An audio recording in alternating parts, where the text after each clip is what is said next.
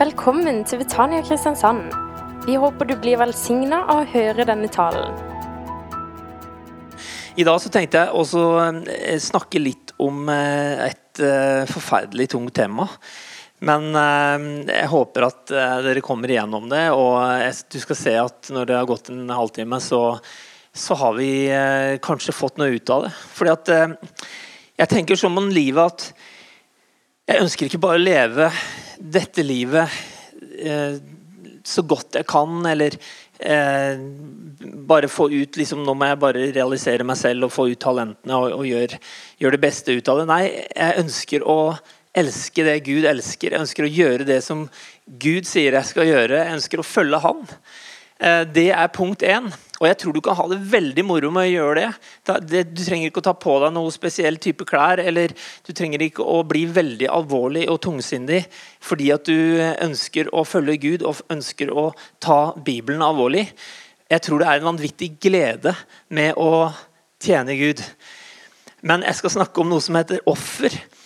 Eh, og du kan jo spørre offer da, men nei, men eh, jeg har tenkt på det mye i forbindelse med påsken, og, og vi, som er, vi, som holder på å forkynne. Vi, eh, vi, blir jo preget av denne tiden her. Vi er liksom mellom påske og pinse. Og vi har eh, liksom dykket inn i disse tekstene som, som er rundt de store høytidene. Og påsken er definitivt den største høytiden. Og når vi nå feirer nattvær også i dag, eller når vi har gjort det, så handler det om offer.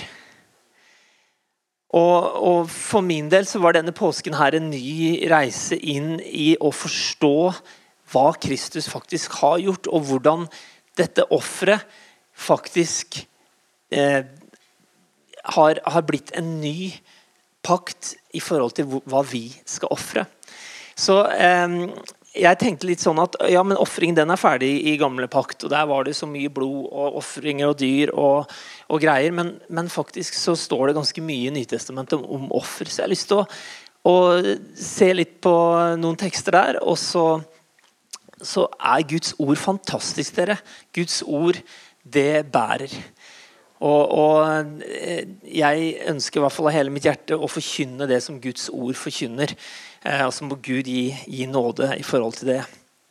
Jeg tenkte å begynne i eh, Hebreerne kapittel 10. og Hvis du har med, har med Bibelen, så kan du jo bare bli med dit.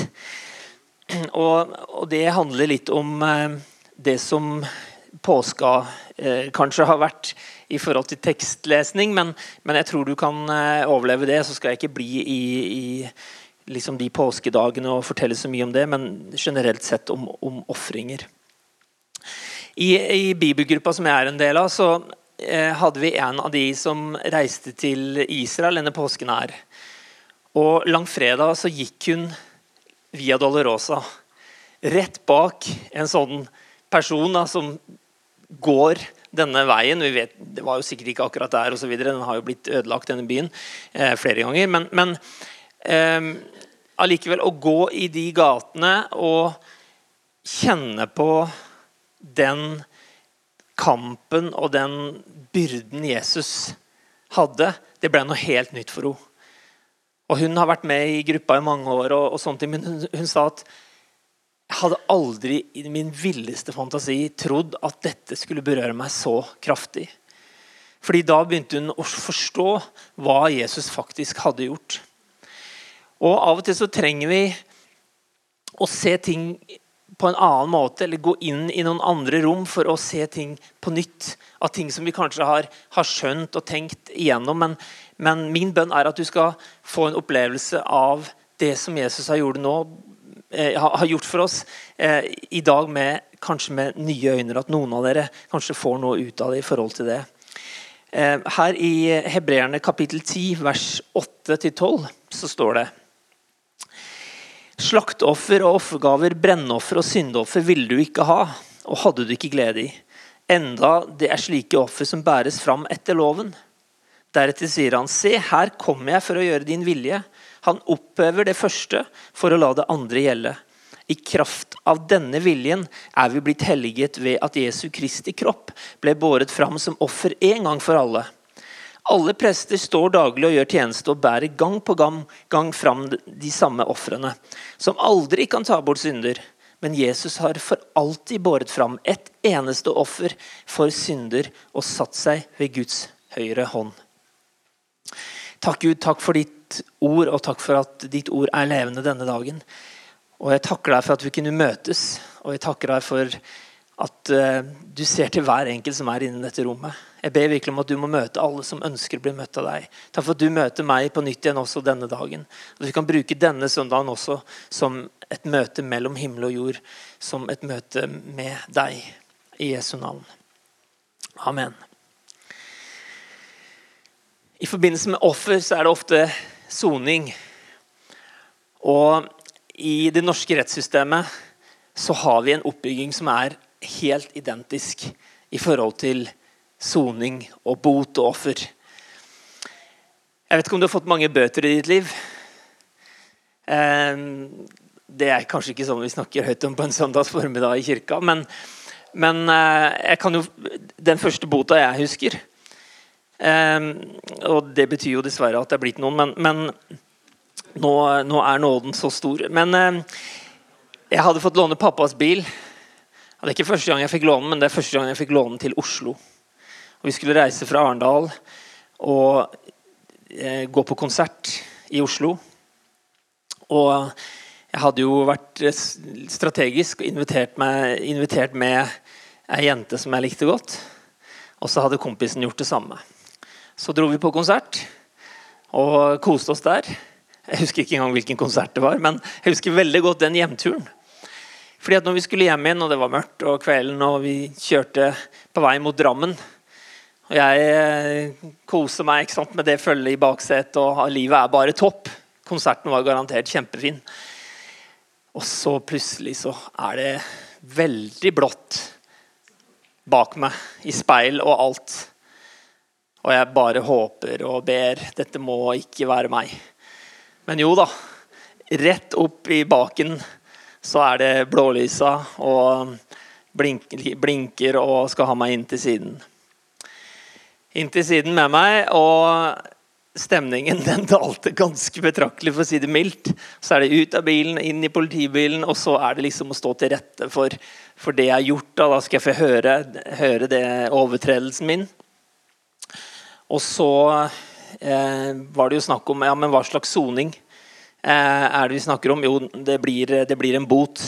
Ok, det blir en bot. Så da må jeg med andre ord eh, ut, ha et offer. Jeg må ofre noe for at den bota skal bli betalt. Og Turen hjem den ble liksom ikke helt sånn, Jeg fikk masse medlidenhet i baksetet. Jeg vet ikke om det er liksom sjekketriks nummer én. Liksom. Gjør en stor brøler, og så får du medlidenhet.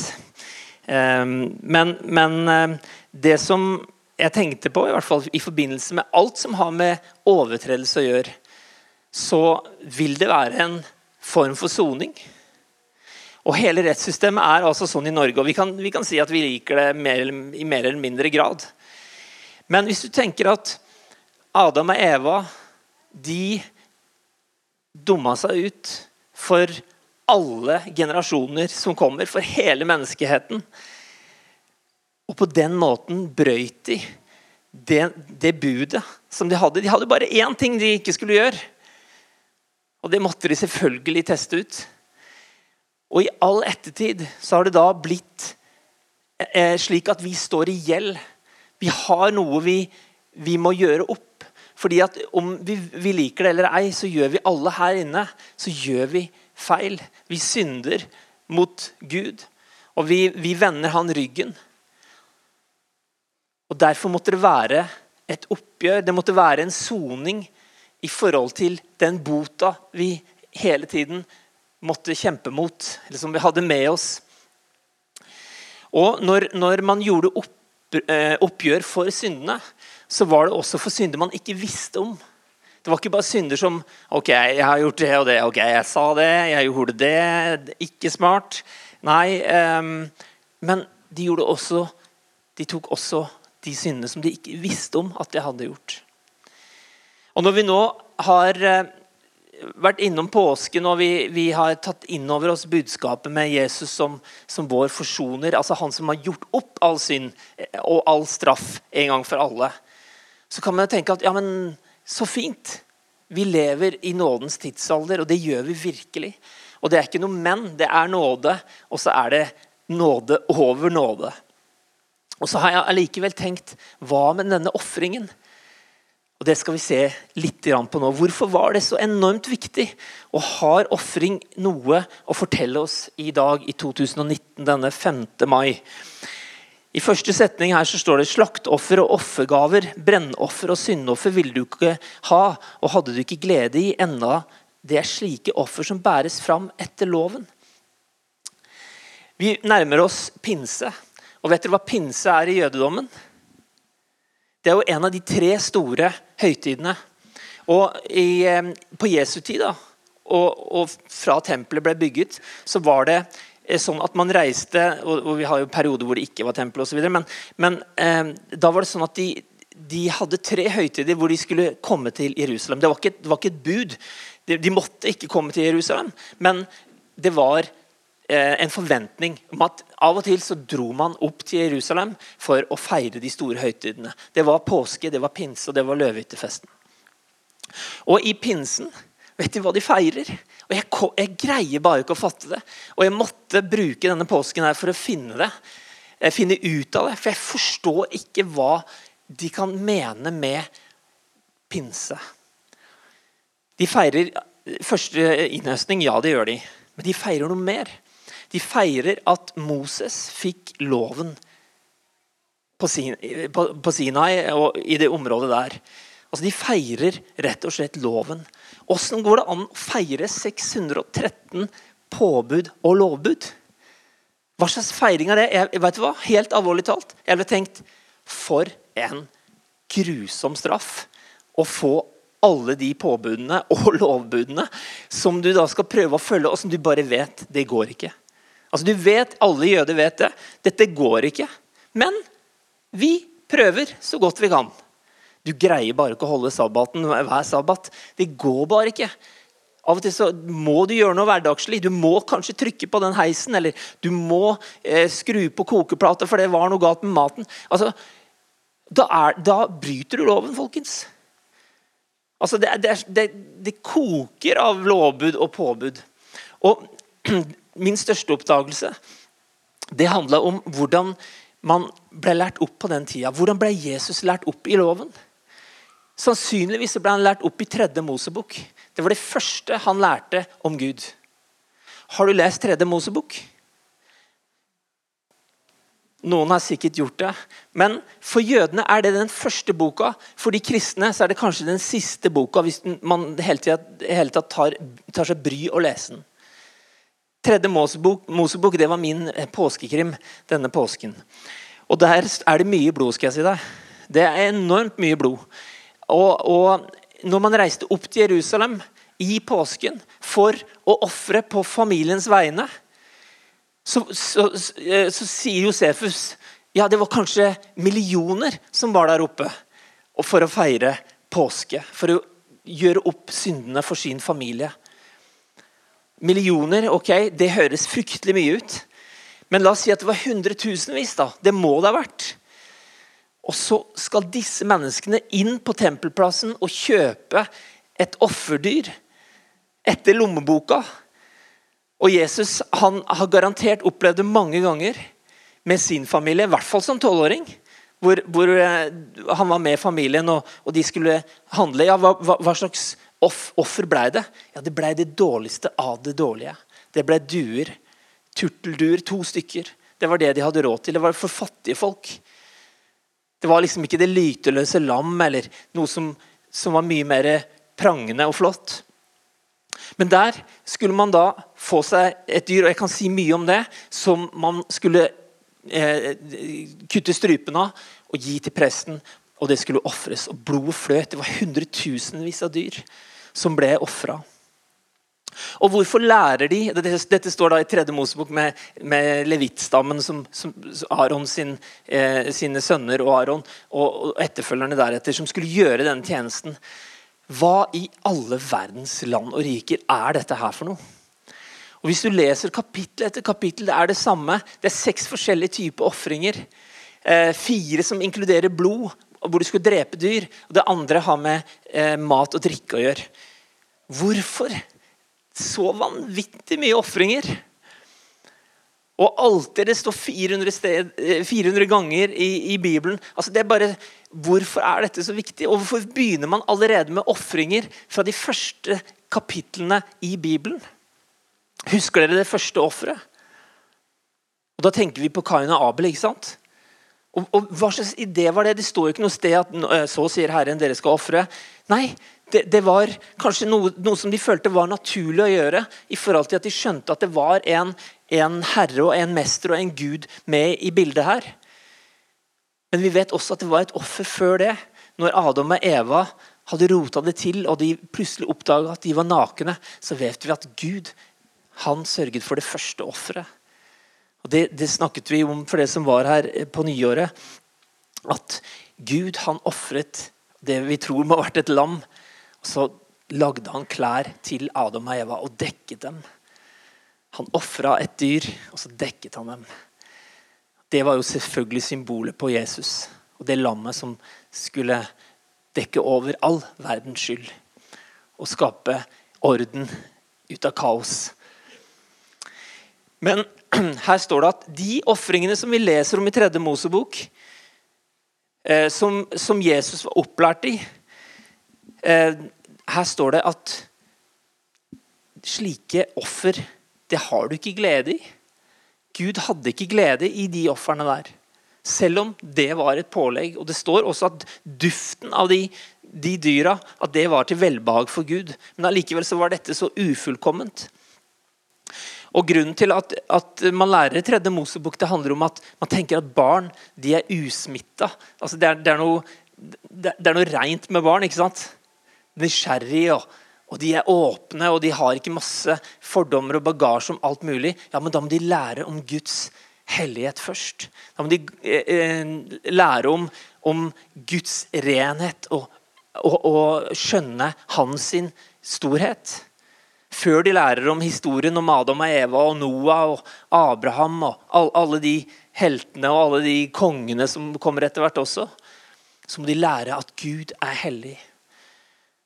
Og Jeg tror kanskje vi har gått glipp av noe i vår reise eh, i, i, forhold til å forstå hvem Gud er.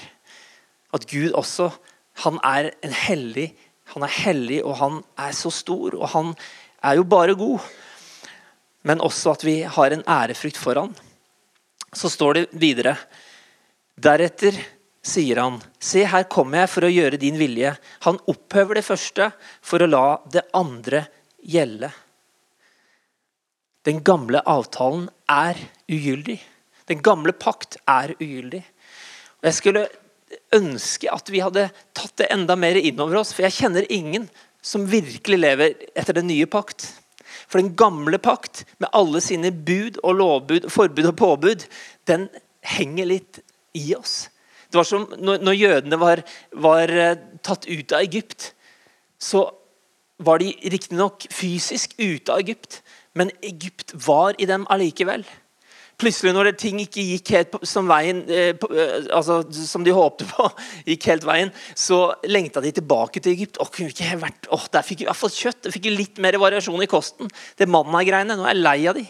Lei av mannaburgere og, og mannastuing og manna alt mulig. Vi hadde det ikke så verst i Egypt. Hallo, de var slaver! Altså, det eneste du ønsker deg når du, når du er Eh, liksom slave, eller når du er satt murt inne, det er jo frihet. Frihet er jo, det trumfer jo alt. Men plutselig så var de, var de tilbake i Egypt. Vet du hva? Vi har fått en helt ny pakt. Og den pakten, den opphever den første. Av og til så tenker vi at vi har masse forventninger som vi skal fylle som en kristen. Vi har en ramme. Og Det forventes at vi skal oppføre oss på en spesiell måte, kanskje kle oss på en spesiell måte. At vi skal be så og så mye og lese så og så mye. Hvis du leser om den nye pakt, så er det ikke det den er bygd på. i det hele tatt. Den er bygd på noe helt annet. Kan vi ikke ta, ta, ta og fjerne forventningene vi har til hverandre i forhold til hvordan vi skal oppføre oss? Og så syns jeg det er så bra det som, som forkynnes herfra, nemlig at vi vi elsker hverandre, sånn som René begynte med i dag.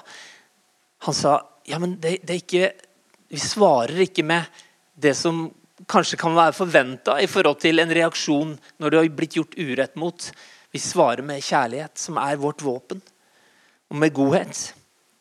Ok, Jeg skal gå fort videre, så vi ikke blir værende her resten av dagen. Så står det i kraft av denne viljen er vi blitt helliget ved at Jesu kropp ble båret fram som offer en gang for alle. Vet du hva? Det kreves ikke flere slike offer som vi leser om i tredje Mosebok, og som hele Gammeltestamentet er fylt av.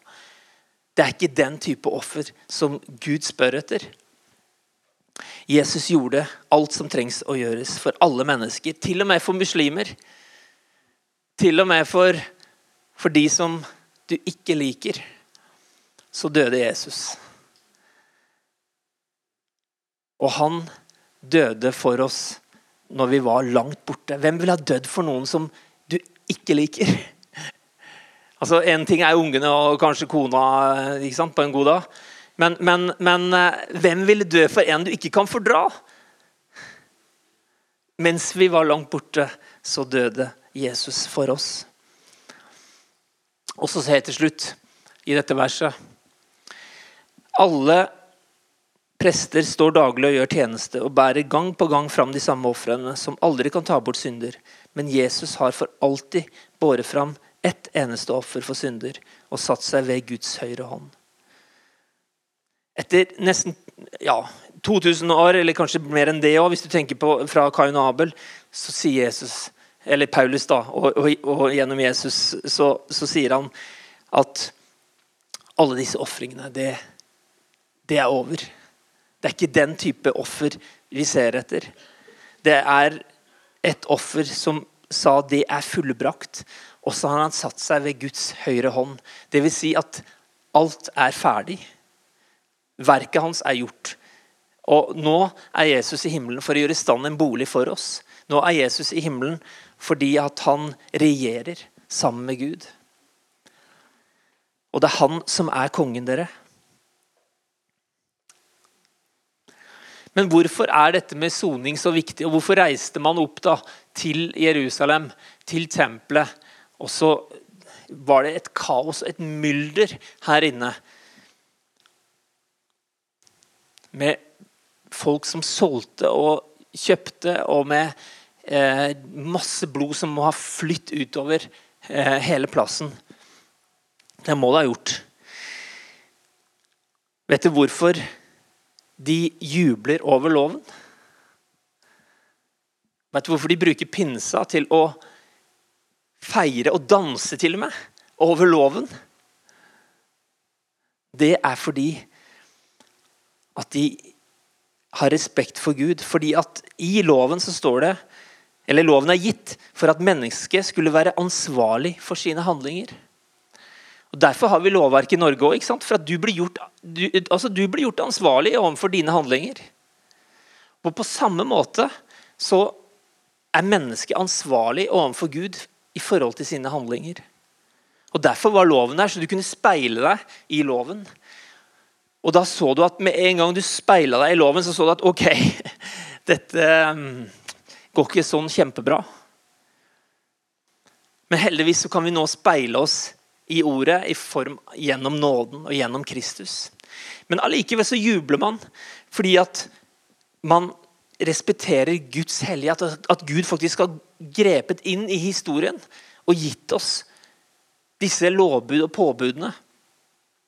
Og så skal det hjelpe å forstå synden og brudd på reglene med en mulighet for å gjøre opp.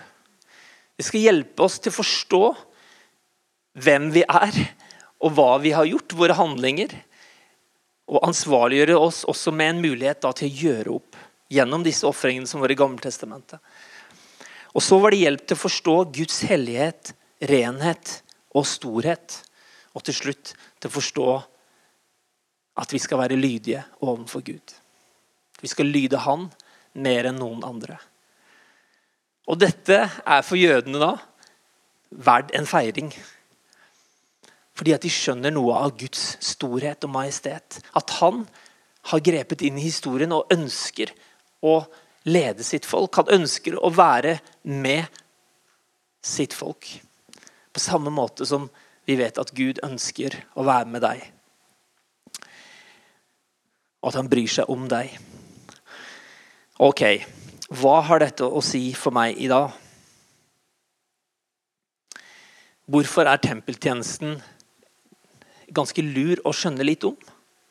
Hvis du skal forstå Jesus sitt verk, og hvis du skal forstå hvem du er i verden i dag Jo, det er sånn at offer Altså det man ofra, i tilfelle dyr eh, Noen ganger er det fengsel, ikke sant? Så man, så man, eh, da ofrer man sin frihet.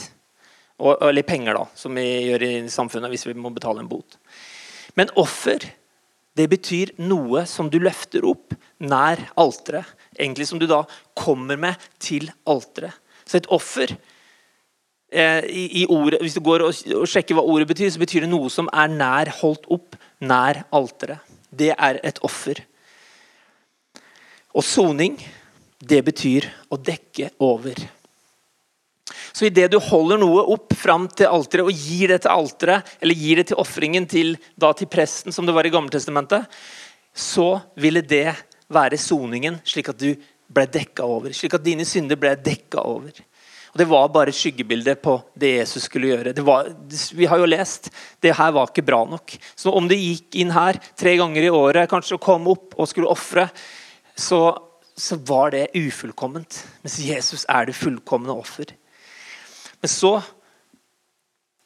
var mitt spørsmål her i starten Er ofringens tid over? Er det sånn at ikke det er noen flere offer? Og Det er kanskje et litt vel ledende spørsmål, litt enkelt å svare, eh, svare på. For Hva kaller vi det, vi det, som vi også sier kollekt? da? Hva kaller vi det for noe? Kollekt kaller vi også offer, gjør vi ikke vel? Vi skal ta opp et offer. Er det noen som har hørt det? Ja, og vet du, Da vet du hva som kommer.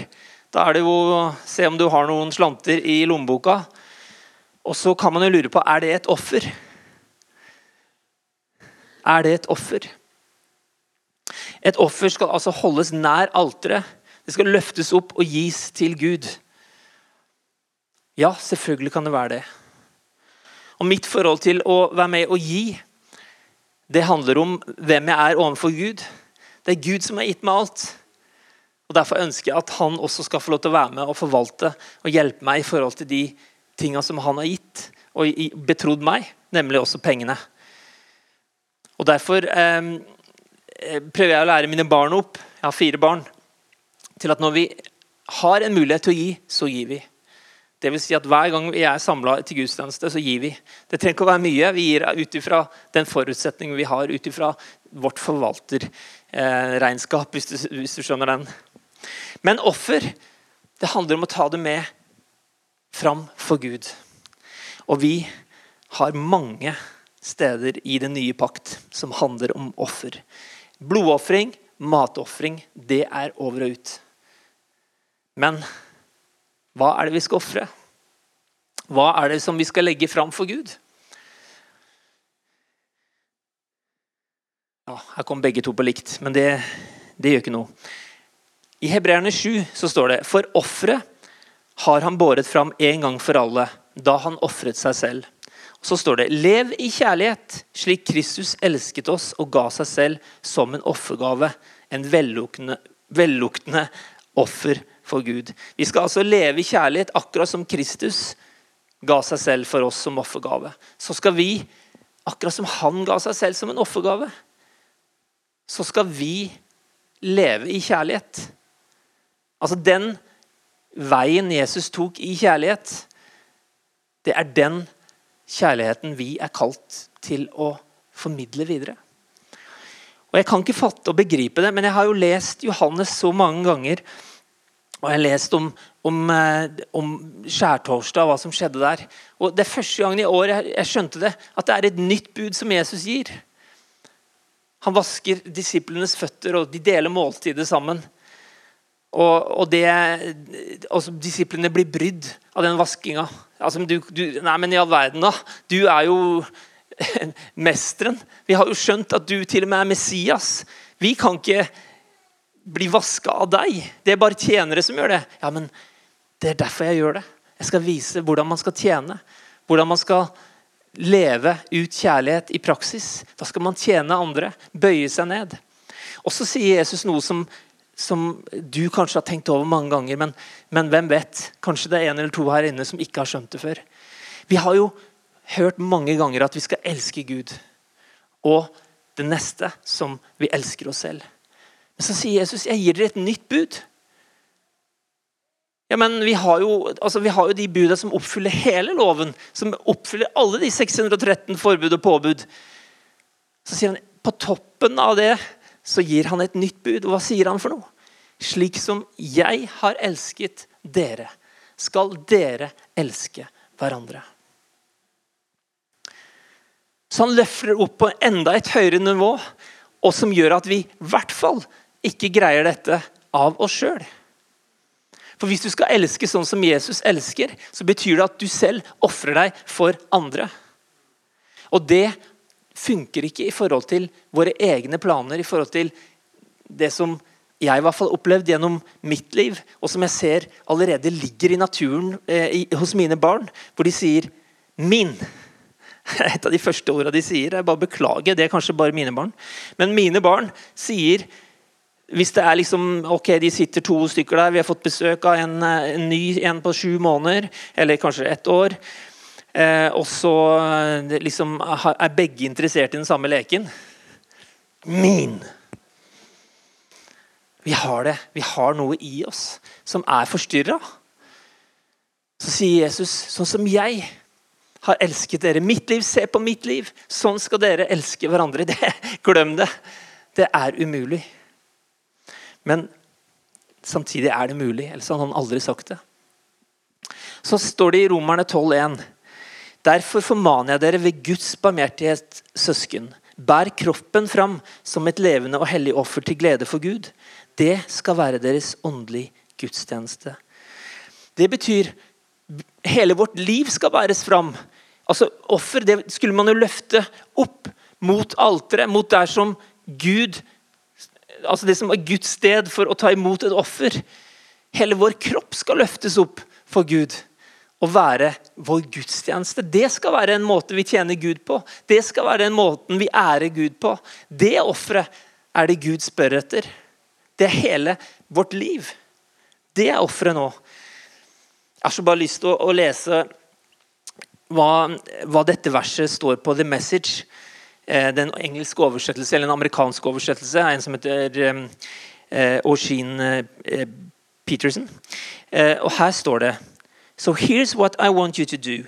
God helping you. Take your everyday, ordinary life, your sleeping, eating, going to work, and walking around life, and place it before God as an offering. Embrace what God does for you is the best thing you can do for Him. Don't become so well adjusted to your culture that you fit into it without even thinking. Instead, fix your attention on God. You'll be changed from the inside out. Readily recognize what He wants from you and quickly respond to it. Unlike the culture around you, always dragging you down to its level of immaturity, God brings the best out of you, develops well formed maturity in you. Maturity, altså modenhet. Det står at vi skal bære kroppen fram. står det i hebreerne La oss stadig bære fram for Gud lovprisning som offer. La oss bære fram takk. La oss bære fram vår tilbedelse framfor Gud. Det er derfor vi bruker så mye tid på å synge i gudstjenesten. Fordi vi bærer fram vår sang som et offer. Vi tar det nær alteret, vi tar det opp til Gud. Og så vet vi at han har behag i det offeret. Det er et offer han har behag i. Helt til slutt.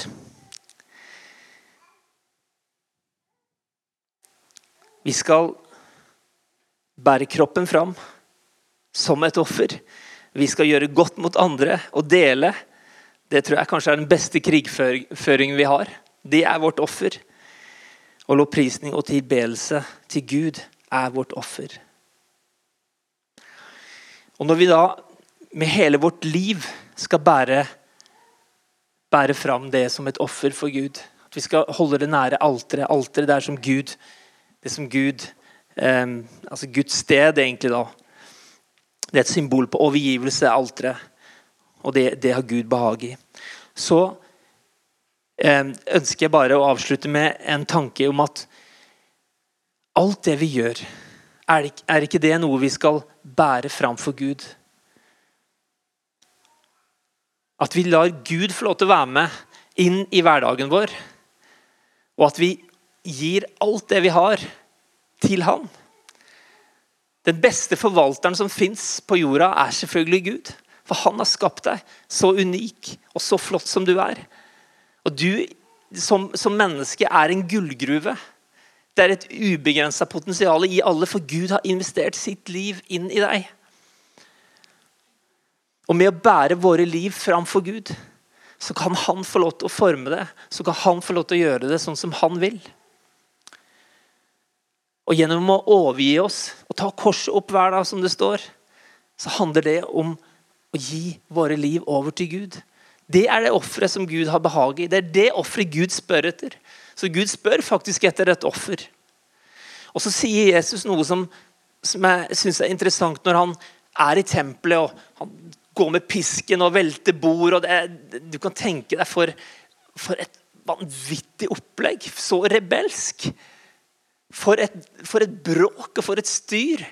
Når Jesus tar et oppgjør med hva tempeltjenesten skal handle om, og hva ofringen skal være for noe. Jo, da sier han at ja, mitt hus, vil si også vårt hus, det skal være et bønnens hus. Det vil si at det som preger oss, det er bønn. Å leve innenfor Gud. Og det som er i rommene våre, inni huset vårt, der er det bønn. Og Jeg tror at det er en hemmelighet, at vi lever i relasjon til Gud. Og, og, Det er en vanvittig glede i å få lov til å kjenne Gud. Og evangeliet er den største og herligste budskap som fins på jord. For evangeliet er Guds kraft til frelse. Det gir evig liv en gang i, i framtida, det vet vi. Det fører oss direkte til himmelen. Men den gir også mulighet til å leve i relasjon med Gud i dag. For Den hellige ånd er kommet. Så Når vi skal feire pinse om, om kort tid, så, så, vet vi at yes, Jesus satte seg ved høyre hånd, og så sendte han den hellige ånd fordi at vi ikke skulle være alene. Han er på jorda for å hjelpe oss i vårt daglige liv, vårt, med våre daglige ofringer. Ok, håper du fikk noe ut av det. Skal vi be sammen til slutt?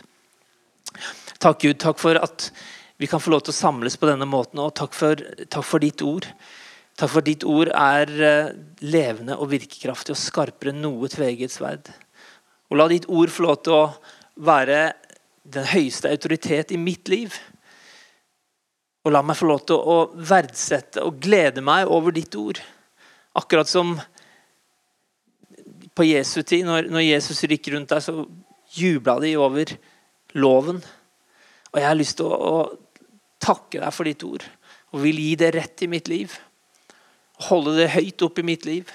Og hjelp hver enkelt her inne til å gi ditt ord rett, slik at det kan ha framgang i våre liv. Og la våre liv få lov til å være til din ære. La vår hverdag i morgen, la morgendagen være til din ære. La alt det vi gjør, få lov til å være overgitt til deg. Som et offer som du har behag i. At vi kan gi alt det vi er, og alt det vi gjør, og alt det vi har, til deg. Det er et offer som du har behag i, og et offer du ønsker. Jeg takker deg for denne uka som vi går inn i. Jeg takker deg for hver konfirmant som, som tror at de, de, avslutter et eller annet, men det er nå de begynner. Jeg ber virkelig for hver konfirmant at de skal få lov til å kjenne at de får en dragning til å lære deg enda mer å kjenne. De får en, en lyst og en trang etter å bli enda mer kjent med deg. Og la hver enkelt her inne også ha den lysten og trangen etter å bare følge deg, etter å gi livet 100 gi full gass for ditt rike. Det ber jeg om. I Jesu Kristi navn. Amen. Du har nå hørt en tale fra Betania Kristiansand.